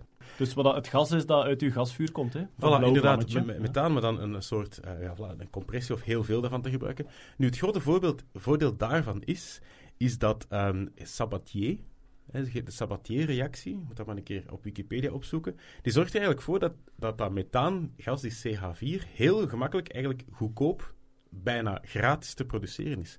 Op basis van CO2 en water. Je hebt daar wel heel veel energie voor nodig om dat te maken. Eh, En die heeft Musk met zijn zonnepanelen wel. Dus hij zou brandstof elektrisch produceren. Hij zou, ja, voilà, dat is wel een beetje het idee van wat er nu op Reddit leeft, wat we dat aan het interpreteren zijn, van ja, hoe kan hem die kostprijs naar beneden halen? Want ja, je hebt altijd wel die brandstof nodig om die mensen te lanceren. Maar eigenlijk, als hij het een beetje slim aanpakt, kan hem die brandstof gratis produceren. Elektrisch produceren, ja. Ja. Allee, gratis. Ja. Eh, als in niks is er gratis natuurlijk, maar wel volledig gecontroleerd zelfproductie en zit alleen nog maar bij opslag en transport daarvan als kostprijs. Ja. Voilà, maar daar zijn we nu nog niet. Maar dat is zowel de toekomst, wat dan misschien wel rechtvaardigt dat hem op termijn wel naar een goedkopere vlucht Maar kan ja, gaan. op zich, de, het, het, het produceren van een stabiele brandstof uit elektriciteit is, is de heilige graal van Absoluut, alle ja. energie. Niet alleen Ja. van die raketten. Goedkoop, is- volledig. En, en het grote voordeel van de methaan is dat dat bij ontbranding terug volledig recu- Dat is, dat is ecologisch. ah, ecologisch. Het is alleen de productie die dan niet ecologisch is. Tenzij dat jij je energie om die productie te doen ook op een ecologische manier doet, heb je een volledig vernieuwbare Maar je hebt geen fijn stof, geen NOx Nope. en, en de CO2 En die dat het is- uitstoot, ja, voilà. eigenlijk uit een atmosfeer. En toen ik dat aan het lezen was, dacht ik van, mai, toen was mijn sceptisme wel een beetje minder. Van, amai, De dat sceptisch is weg, Jeroen, sorry. Ik zal hem Ja. er terug insteken. You're on your own. Wat- Steek wat- die welkomstmand maar terug weg. Ja, wat je daarnet zei over die heilige gralen. Inderdaad, als je een brandstof vindt die dat volledig vernieuwbaar is, transporteerbaar is en veilig is, Stabiel vooral, hè. eh, stabiel dus veilig, dus niet gelijk eh, Waterstof. waterstof, dat is geen ja, dan heb je iets, dat, dat, dan, dan, dan zit het binnen. Voilà. Ah, wel, wat dat, het, het, en het- dan komt Angelina Jolie. Het naar- belangrijkste daaraan is dat je, dat je inderdaad... Eigenlijk zijn er dan af van die grote batterijen van je, van Ja. uw elektrische auto's, want je kunt er brandstof van maken. En het allerbelangrijkste is, op dit moment, een elektriciteitsnet, daar moet je op elk moment evenveel insteken dan dat er uitgehaald wordt. Aha. Daar zit geen buffer op. En dat is Voilà. geweldig vervelend, zeker met wind en zon en kerncentrales enzovoort. Daarom hebben we nog zoveel gascentrales die al die pieken moeten opvangen. Mhm. En het moment dat jij kunt zeggen, oh, we hebben elektriek te veel, geen enkel probleem, we gaan nu een, in- een stabiele brandstof produceren, dan lost het gigantisch veel op. Maar goed, ja. Allee, het is nog altijd niet 100% zeker, maar als je er een beetje over doorzoekt, it, it does make sense. ja. Jeroen, jij ging de scepties terug installeren. Zeg. Goh, nee. Ik, ik had gelezen dat het, eh, om- mensen in zo'n raket te lanceren, je- je- mensen zouden onderhevig zijn aan minstens 3G. 5G. Ik had 5G gelezen. Twee of drie, zegt hij ja, zelf. Twee of drie zegt hij zelf. Ja. De, de mensen die dat dan berekend hebben, Maar zijn 3G, andere wetenschappers die zeggen opvangst, hè? 3G, ons bomma gaat dan dood. Hè. Het zou niet voor iedereen zijn, Dat dat zou niet voor iedereen zijn. Er zijn, er zijn vooral veel ehm, ruimtevaartspecialisten en voormalige astronauten die zeggen er gaan toch eh, veel kotzakjes aanwezig moeten zijn, want heel veel mensen gaan daar gigantisch over de nek gaan. En ook Ja, in- maar dat is nu. Dat is nu ah, ik denk, dat is, dat is de huidige situatie bekijken. Maar als je gaat kijken, dat pakt over x aantal jaar dat dat de standaard, of de bijna standaard vliegmodus is, dan ga je je voorbereiden. Dan ga je fysiek zorgen dat je dat, kunt, dat, je dat aangaat. Het En gaat denk een ik- zwaardere voorbereiding dan een vliegreis. Dat is waar, maar, maar misschien dat we op dat moment ook rondvliegen in rondvliegende auto's en zo. Hè? dat denken we wel, 50 jaar. eh, in, in Kurt zijn eh, Defense eh, vroeger als de eerste roltrappen eh, werden getest. Mensen zijn daar doodziek van afgestapt. Hè. Is Dus, het echt? Ja, mensen Ah. werden daar echt doodziek van. Dus Hmm. ja, wie Ik weet ken mijn kunnen we- gewone trap ook. Dat is verschrikkelijk. En, en ja, nog Daarom een- pak nog ik de een- lift. Ja. ja, nog, nog een sceptisme dat er is, is van, ja, oké, je wint heel veel tijd omdat je een half uur maar moet vliegen, maar je moet daar met een boot naartoe. Je eh, inchecktijd is een Mhm. pak langer. En dat is waar, maar zelfs als je dat verdubbelt, dan zit er nog op, in totaal op vier uur van Amerika naar Australië. Dus Dus al, dat is al, dat nog... gef- al dat gevoel met die handbagage, jezus. Dat is nu al zo gedoe in vliegtuigen. Ah, wel, maar dat gaat nog erger zijn, want je gaat een gewichteloze fase hebben. Dus alles gaat... Ja, maar effectief, hè. Dus alles Ja. gaat moeten echt compleet vastzitten, want je gaat een gewichteloze fase hebben tijdens dat uur. Ja. Waarom, waarom moeten die lanceer- en, en landingsplatform eigenlijk in het water liggen? Dat was in die renders altijd zo. Is dat... Dat is infrastructureel gemakkelijker dan. Allee, als, je- als je vlakbij een stad wilt zijn en je wilt zorgen dat je plek genoeg hebt en dat veilig genoeg is, dan lijkt me dat logisch dat je dat... Veiligheid Ja, Mhm. dat je dat op de Torntonbank doet of zoiets. Hè. Er was nog één eh, Tesla-nieuwsje, namelijk toen dat de orkaan eh, Irma gepasseerd was, dan konden de Tesla-auto's opeens verder rijden, dat mensen Mhm. zich sneller uit de voeten konden maken. Ja, en dan Ja. was iedereen daarover aan het zagen van... Wee, wee, wee, wee, wee. Ja, mensen vroegen zich af, vooral af, wat is de reden? Hè? Maar de reden is ehm, dat eh, een batterij, de batterij van Tesla waarschijnlijk, dat zij gebruiken, is als die volledig leeg gaat, of die laat die volledig op, hè, boven de 90% en onder de 10%, verslijt die sneller. Ja. Dus softwaregewijs bouwen ze daarin van, je gaat niet volledig leeg. Ja. We zetten nu op on hold. Dat is de default. En dan dacht iemand bij Tesla waarschijnlijk van, ja, maar wacht, als die auto's door een orkaan weggeblazen worden, dan hebben ze niks aan die batterij. Weet je wat, we gaan dat even die een safety afzetten, zodanig dat ze 10% Ah, langer kunnen rijden Hmm. en dan toch uit die orkaan kunnen rijden. Dus het, het is niet zo dat je bijvoorbeeld eh, Tesla-wagens hebt met, met een hogere capaciteit, zogezegd, die softwarematig Goh, bepaald is. misschien wel. Je kunt, maar- je kunt hogere capaciteit kopen bij Tesla. Ja. als een software update. Je kunt die kopen. Dus de hardware is al aanwezig, Ja, maar ja. hij wordt softwarematig geblokkeerd. Dat had, ik, omdat je... dat had ik eerder door. Dat net zoals bij processoren was. Bij processoren, je hebt een Pentium 3,2 en een Pentium 3,4 gigahertz. Dat, zijn, dat is dezelfde chip, maar die Ja. wordt Ja. gewoon hardwarematig gelokt op een, bepaald, op een bepaalde Maar kloksnelheid. is- Omdat je niet genoeg betaald hebt. Ja, Omdat dat je is niet niet exact hebt. dezelfde chip. Eh, Even van nerdy door uitweiden. Dat is niet exact. Je hebt één bakplaat van chips. En eigenlijk, de, nadat die gebakken zijn, testen ze die. Namelijk, want chips zijn halfgeleiders, die worden warm als je daar eh, berekening mee laat Er doen. zitten altijd fouten in. Ja. En er zitten fouten in. En gewoon degenen die meer fouten krijgen, die zeggen ze van deze gaan we niet zo snel laten gaan. Vandaar dat die chips, dat dat de ideale zijn om te kopen voor te overklokken natuurlijk. Want als je die extra koeling geeft... Dus dat is, het is een beetje... een- ah, Het is een, natuurlijk een combinatie tussen marketing en safety verhaal. En waarschijnlijk in het verhaal van deze batterij van Tesla gaat het ook zo Ik zijn. denk waar dat de reactie vooral op kwam, is omdat mensen zich voelden alsof dat ze de auto die ze gekocht hadden Ja. niet Oeh, helemaal zelf beheerden. Dat Ah, dat ja, zo was van, die is niet Ja, van mij. Ze kunnen van ik, op afstand Ah, ja, kunnen ze die batterij Ah, wel, maar dat... Een dat privacy-ding eigenlijk bijna. Ja, en ook... ja. Ik, ik heb iets gekocht en dingen die er eigenlijk in zitten, worden geblokkeerd omdat ik niet genoeg betaal. Ja. Wat dat Ja, maar die worden ook economisch geblokkeerd. wel klopt. Ja, maar die worden ook wel geblokkeerd vanuit een soort... Het heeft een reden Het heeft een reden dat je ze langer kunt ja. gebruiken, dat ze langer efficiënter blijven. Er is Maar één iets wat, dat, wat dat ik eigenlijk nog frappant vond in... in ja, wat dat, denk ik voor, voor veel mensen wel een soort... ehm, ook een soort eh ah-tien ervaring was. Namelijk dat uw auto centraal met een paar drukken op een knop veranderd kan worden. Hè. Dat, is, dat hebben we met, met, allee, met onze auto's hebben we niet. Dat is met die alle soort software, hè. die hangen vast aan het internet. En je Ja. kunt van op afstand zeggen, vanaf nu mogen die dat en dat en dat en dat. Ja. Dat is, dat, allee, ja, voor, voor- dat is een, een, een nieuw era, denk ik. Ja, dat is waar, maar dat heb je al lang met een telefoon en met een computer. Heb je dat Dat al maakt, heel lang, hè. dat maakt het niet Ja. goed. hè. In de toekomst zouden waarschijnlijk ook Ja. zo de, de wagen van uw kinderen een parent lock kunnen aan- en afzetten via Oh, het ja, internet. cool. Ja, ja. Oh, dat stelt mij al gerust op voorhand. De auto waarmee dat ze zelf, allee, die zelfstandig rijdt naar waar dat ze wil. Ja. Ik wil niks zeggen, maar als Musk zich aan het positioneren is als een evil overlord, is zo'n soort van kill switch op alle auto's van de hele wereld. Wel exact hetgeen dat ik zou doen. Zou dat daar niet in zitten? Zou die Zo'n geen... zo'n grote knop op zijn bureau. Ja. En gedaan met het rijden. Maar dat is, dat is echt het verschil. Hè. Voor ons is hij Iron Man en voor u is hij Gargamel, heb ik Absoluut. Ja. Nee, die, die, die, eh, die Russische eh, tegenuitvinder van Iron Man in eh, Iron Ja. Man 2. Ja. Ding is Mickey Rourke. Het wordt tijd dat er zo een in het echt komt ook, zo'n Rus. Ja. Die ja. dat zo ook alles maakt, maar dan op kernenergie. Of... Wel, Maakt exact dezelfde dingen, maar dan op kernenergie. Nu het, Een nu het, eh, nu het toch gaat over de, de eh, tegenspelers van Elon Musk in de superfilm die het leven geworden is, eh, hebben we toch nog nieuws over Jeff Bezos. Onze goede vriend Jeff Bezos, die rijker is dan Musk, hè, denk ik. Ja, dus de baas van Ja. Amazon. Nummer Die, 1. die aan een soort complexje leidt van ik kan dat ook, wat dat Musk doet. En dan meestal op een soort Fisher-Price manier herhaalt, wat dat Musk drie jaar eerder al aan het doen was. En nu heeft hij gezegd, ik ga ruimtetoeristen naar de, naar, eh, dat is, ik ga toeristen naar de ruimte sturen. In ehm, april 2019 was het, denk ik. April 2019. En Ik dat is eigenlijk... dat in mijn agenda, ja. Maar hij, sch- hij schuift nu, hij schuift, want hij zei 2018. Dus de, de strijd voor ruimtetoerisme is al een paar jaar hot. Maar nu zijn er verschillende die het aangekondigd hebben voor volgend jaar. Dus Musk wil mensen rond de maan sturen. Waarom ook niet? Twee miljonairs, particuliere miljonairs, kunnen een ticketje rond de maan kopen. Ehm, en Blue Origin van ehm Jeff Bezos dan ging mensen even 100 kilometer hoog, net legaal in de ruimte en dan terug naar beneden. Die heeft dat uitgesteld. En dan eh denk Virgin Atlantic ook. Hè. Ehm, Branson. Leeft hij nog? Branson, ja, Branson ging het ook in 2018 doen nu. We zullen zien wat er volgend jaar... eh, Volgens mij gaat Jeff Bezos morgen aankondigen ze van... Ah, Musk poept met Angelina Jolie. Ik heb Madonna. Ja, ja, Jeff. ja, ja. Nee, dan moet hij dingetje pakken. Hè. Allee, Jennifer Aniston. ja.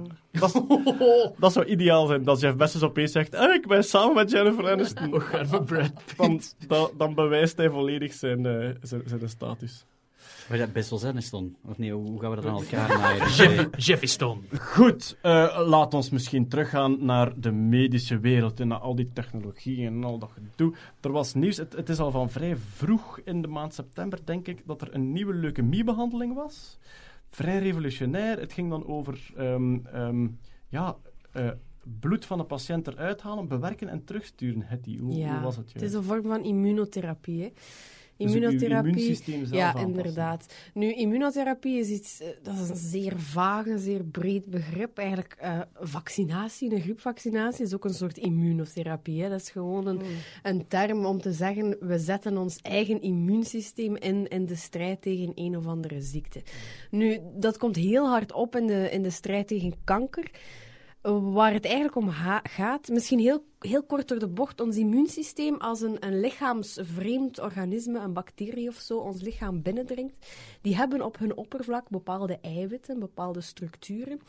En die kunnen herkend worden door onze immuuncellen, omdat die een soort, oh, hoe zal ik het noemen, antennes hebben. Hè? Een beetje fysisch, eh, plastisch uitgedrukt. Is dat het geheugen van wat er vroeger gepasseerd is? Onder andere, ja. Ja. Onder andere. Het is een adaptief immuunsysteem. Maar goed, waar het eigenlijk om gaat, op het moment dat er een, een binding is, een perfecte binding is tussen zo'n zo'n structureel eiwit op het oppervlak van een bacterie en zo'n antenne op zo'n immuunsysteem, wordt er een reactie in gang gezet waarbij die bacterie dan gedood wordt. In theorie is het zo dat tumoren, dus kankercellen, dat die eigenlijk ook plots andere eiwitten aan hun oppervlak brengen, die dus zouden kunnen herkend worden door ons immuunsysteem. Maar kanker is een heel sluwe ziekte, legt dat immuunsysteem op heel veel verschillende manieren in de luren. Dus wat men doet met die, met die therapie die nu eh, door Novartis op de markt gebracht is, men haalt eigenlijk bloedcellen, dus immuuncellen uit het bloed van kankerpatiënten. Men steekt daar een gen in, in het labo, dat is een vorm van, van genetische modificatie, waardoor die cellen eigenlijk plots nieuwe antennes krijgen. Nieuwe antennes specifiek gericht tegen het eiwit dat op die tumorcellen zit.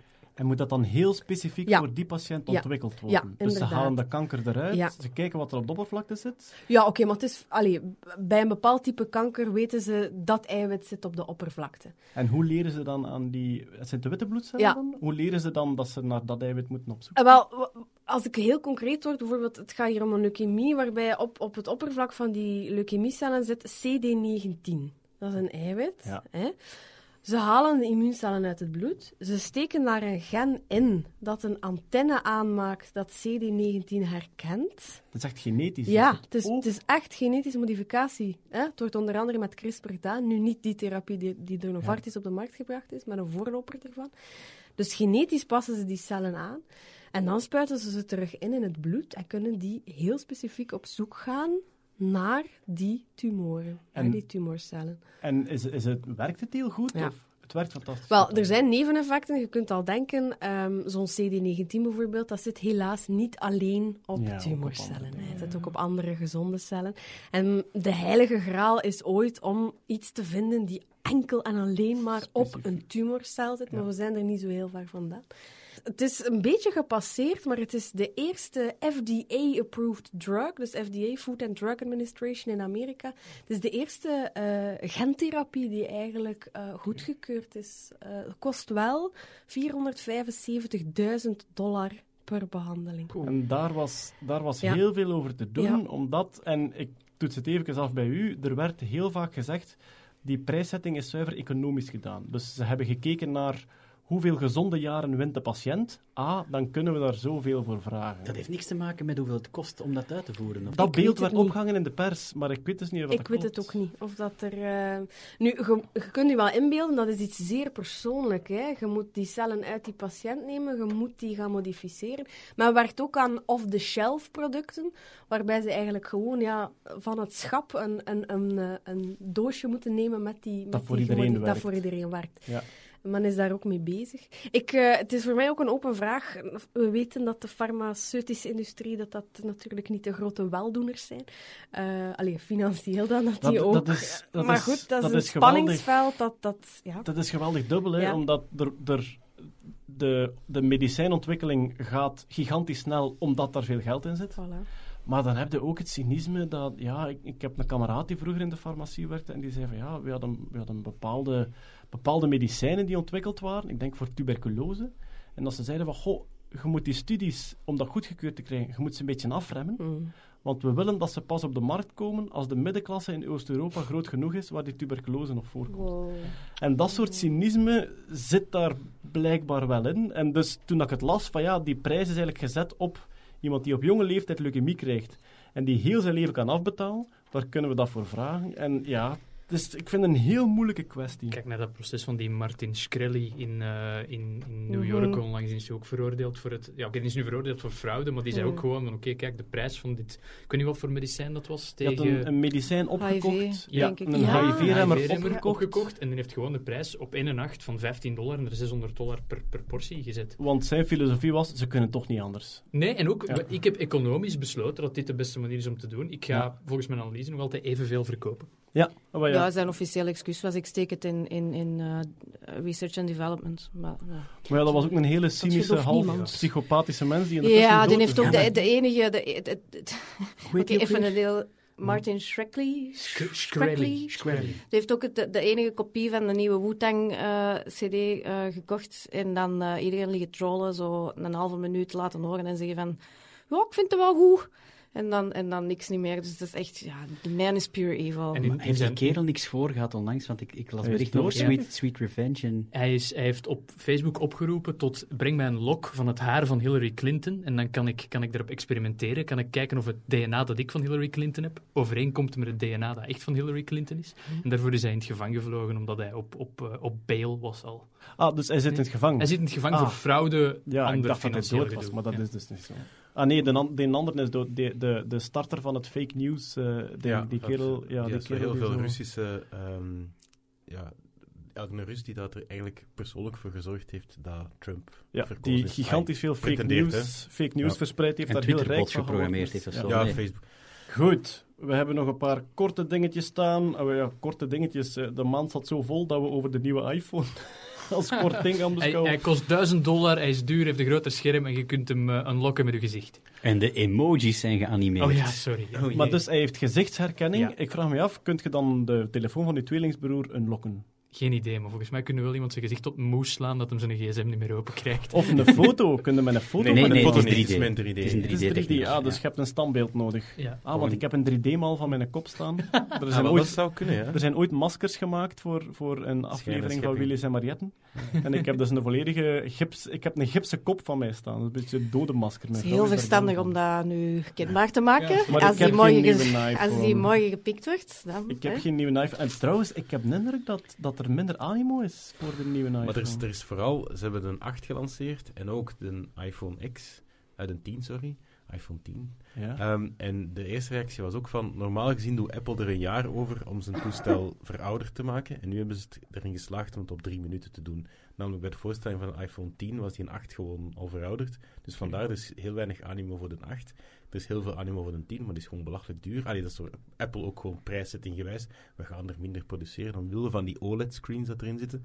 Ze kunnen de productie toch niet aan. Ze hebben gezegd van, ah ja, de vraag gaat omhoog. Wel, weten we wat, wij doen gewoon de prijs omhoog. Dan gaat de vraag wel dalen, kunnen wij de productie aan. Ah, omdat de productie lager ligt Ja. dan bij de vorige. Ehm, en, en het grote ding wat dan mensen daarbij dan bedenken van, ja, maar Apple ontwikkelt wel chips, Apple ontwikkelt alles. Waarom ontwikkelt Apple geen eigen OLED-scherm? Waarom blijven ze daar afhankelijk van Samsung? En daar zijn de voorspellingen heel hard van dat dit dat, dat nog vijf jaar bij wijze van spreken is en dat het dan gedaan is met smartphones. Dat we dan veel meer naar andere toestellen gaan, waarbij dat schermen overal, ah, vijf jaar is misschien te kort of zo, maar dat de prognose is dat, dat Apple het zelfs niet eens rendabel ziet om nog op termijn iPhones te gaan ontwikkelen. Maar ik hoor dat vaak zo, die end of the smartphone. Maar wat bedoelen ze dan? Gaan we dan scherm projecteren of op ons netvlies krijgen? Of? Ja, voilà, misschien wel. Of, of ja, meer naar watch-toestanden, of meer naar wearables gaan, of meer naar ingebouwde schermen in, in, in andere dingen. Oké. Ja. Het, het interessantste technologienieuws van Google heeft dan ook een event gehad. Ja. Die hebben ook van alles aangekondigd, nieuwe gsm's, bla bla bla. Maar het, het interessantste vond ik, of het, het griezeligste, die hebben zo'n klein cameraatje dat je kan opspelden. De Google Clipper of de Clip, of weet ik veel hoe dat het noemt. En dat leert eigenlijk welke gezichten jij belangrijk vindt. Het, het voorbeeld is van een ouder die met zijn baby en zijn kleuter aan het spelen is. En dat, die camera gaat eigenlijk na een tijd automatisch fotootjes en films nemen, zonder dat je dat zelf moet bedienen, van de dingen die belangrijk zijn in uw leven. Ah, dus die kiest zelf Die wat, kiest u, zelf, wat ja. dat uw fotomomentjes Dat is een zijn. soort van knop dat je moet opspelden en dan na een paar weken kun je kijken van, ah kijk, dit, is, dit, dit heeft hij opgenomen. en dat is creepy as fuck, maar ja, kijk. Ja. ja. Het is de, de Google Glass, maar dan als, speld, als Ja. speldje. De Google Brochet. Nog iets van Google, eh, dat is dan een beetje nerdy, maar ze hebben echt een Babelfish gemaakt. Ze hebben namelijk zo het antwoord op de AirPods, van, eh, de, de draadloze oortjes van Apple, hebben ze Ja. dan Google Pods, ik weet niet of ze juist heten, maar ook draadloze oortjes. En er zit een Babelfish-technologie. Dus vertaalsoftware. Ja, vertaalsoftware voor mensen die Hitchhiker's Guide of the Galaxy, to the Galaxy. Pilot was daar een tijd... Op Futurism zie je dat vaak passeren. Een Britse Ja. start-up die ermee bezig is, maar die Ja. het niet van de grond krijgen. En Google heeft ze nu ingehaald of zo. Ja, Google heeft eigenlijk gewoon draadloze koptelefoon-oortjes gemaakt, die dat samen met een Android-telefoon eigenlijk Babelfish kunnen. Ja. Dus er babbelt iemand Engels tegen u en jij hoort Nederlands in uw hoofd. Oké, Oh, fantastisch. Maar ja, juist, bij, bij die pilot zit alles nog in het oorke zelf. Dus je hebt geen externe telefoon Ah, nee, nodig. voilà. bij die. Dat zou niks zijn voor Vincent van Gogh, van die draadloze oortjes, want die raakte die man helemaal te kwijt. Heb jij mijn oortjes gezien? Goed, eh volgende dat we staan hebben is eh, ja, het einde van de Cassini-missie. Ja. Cassini-Huygens, een fantastische ruimtemissie, gelanceerd in 1997 naar Saturnus. 2004 aangekomen, was gepland om daar te blijven tot 2008 en heeft het uitgehouden tot nu. Dus is in totaal 20 jaar in de ruimte geweest. Heel dat ding. En de reden waarom ze hem nu laten crashen, is, is, is de brandstof op? De brandstof was op, ja. Ja. inderdaad. Dus blijkbaar was die, die vier jaar observatie van Saturnus was blijkbaar heel voorzichtig ingeschat, want hij is veel langer meegegaan. Ehm, het belangrijkste moment, denk ik, was als die die Huygens-zonde op Titan laten afdalen heeft. Titan is een maan van Saturnus en is een fantastische plek met een atmosfeer, met wolken, Water en met, zo. eh, ja, er is, er is water in ijsvorm, want het is daar Ah, ja. min 180 graden. Dus het, het, eh, er zijn continenten van waterijs en er zijn oceanen van vloeibaar methaan. Maar er is een volledig weersysteem. Dus daar, is, eh, daar zijn wolken, daar is regen, daar zijn rivieren, meren, er is zelfs onweer. En eh, ja, wordt soms genoemd als mogelijke verre toekomst eh, ruimtebasis voor de mens. hè, omdat je zuurstof uit dat water kunt maken en dat je energie hebt uit Dus we gaan migreren naar een plaats waar het regent. ja, inderdaad. Ja. Jeff Bezos heeft net gebeld, volgend jaar een missie naar Titan. Ehm, ja, eh, ook heel belangrijk voor die Cassini-missie is, die heeft ontdekt dat eh, eh, Enceladus, een andere maan van Saturnus, een ijsmaan, dat daar gijzers uitspuiten. Dus dat daar blijkbaar eh, thermische eh, activiteit is en dat daar een vloeibare oceaan onder zit, waardoor dat ook weer een kandidaat is voor eencellig leven in ons zonnestelsel. Ja, en zeven nieuwe manen ontdekt rond Saturnus. En dus in 2008 is die, eh, is die verlengd. En dan is die daarna nog een keer verlengd. En nu was de brandstof op. En dachten ze van goed, dan gaan we nu nog een beetje joyriden. En dan hebben ze een paar scheervluchten uitgevoerd door de ringen van Saturnus, vlak langs de atmosfeer. Eigenlijk alles getest van hij mag toch kapot als het misloopt. en uiteindelijk hebben ze hem gecontroleerd laten neerstorten op de eh, oppervlakte. En dat geeft dan, vind ik, eh, ik ben er een beetje verliefd op, op zo emotionele control room momenten. Ja, die missieleider die dan Ja. eh, de laatste woorden spreekt. Inderdaad. Heel emotioneel. En En dus wat die- waren de laatste woorden? Eh, zijn laatste woorden waren dat, dat hem zichzelf afmeldde, zo van eh, Dat Mission. Control Leader. Signing of, off zoiets, of zoiets, ja. Signing off of zoiets. Je ziet dan zo de, de eh, radiosignalen binnenkomen. En die gaan dan naar een platte lijn. hè. Dus dat ze weten van nu Oh, zijn echt flatlining. Ja, echt Oh. flatlining. En heel veel volk dat daar verzameld was. En echt zo een mengeling. Want er is, er is een of ander YouTube-kanaal van een vrouw die heel veel NASA-nieuws brengt. En die is echt rondgegaan met haar camera en heeft de wetenschappers geïnterviewd. En een soort hele gekke mengeling van een einde-productiefeestje en een soort nostalgie van... Ik heb dit twintig jaar gedaan. Twintig jaar. Wat ga ik morgen doen? Ja. En eh, ja, enfin, ik vind dat heel mooi als zo de emotie zich mengt met zo dat, dat wetenschappelijke nerdy-achtige. Maar goed, dus eh, deze maand geëindigd de Cassini-missie. En dan hebben we nog staan 23andMe is een website waarop dat je je DNA kunt laten analyseren, zijnde een deeltje. Hè? Je betaalt daar 100 dollar aan en dan krijg je een potje thuis. Je spuwt er een paar keer in. Je stuurt dat terug. Ah, spuwen. Ja. Oh, Jeroen. Gebruiksaanwijzing lezen. denken. Dan krijg je dat terug, ze analyseren. Allee, je stuurt dat terug, ze analyseren dat in eh Amerika. Ik heb dat al gedaan, hè. En dan kunt u inloggen op de website en dan zeggen ze van ja, je hebt eh, voorouders in Zuidoost-Azië. En ook andere mensen die zich ingeschreven hebben, kunnen zien of dat je, omdat er familie u op zit. Dus ik kreeg dan zo'n bericht van een zevende graadsneef in Engeland en, en, en dat soort prutsen. Ja, en nu deze maand heeft er een, eh, een kind dat verwekt is destijds met een anonieme donor op die manier eh, zijn of haar vader eh, Ah ja, gevonden. Ja. ik sta daar allemaal een beetje sceptisch tegenover. Ook, allee, ik, ik heb het zelf nog niet gedaan, maar maar welke info krijg je daaruit? Dat is ook niet, niet door experten gecommuniceerd. Ze zijn Dat heel gaat- voorzichtig. ja. Ze zijn heel voorzichtig. Dus op de verpakking staat er enkel voor recreatieve doeleinden. omdat ze anders, anders hadden ze eh, FDA-toestemming nodig en dat was te duur. Maar ze hebben FDA-toestemming. Ah, dus wel, vroeger, eh, dat is in 2006 opgericht, eh, gaven die echt risicofactoren voor blindheid, voor kaalheid, voor borstkanker.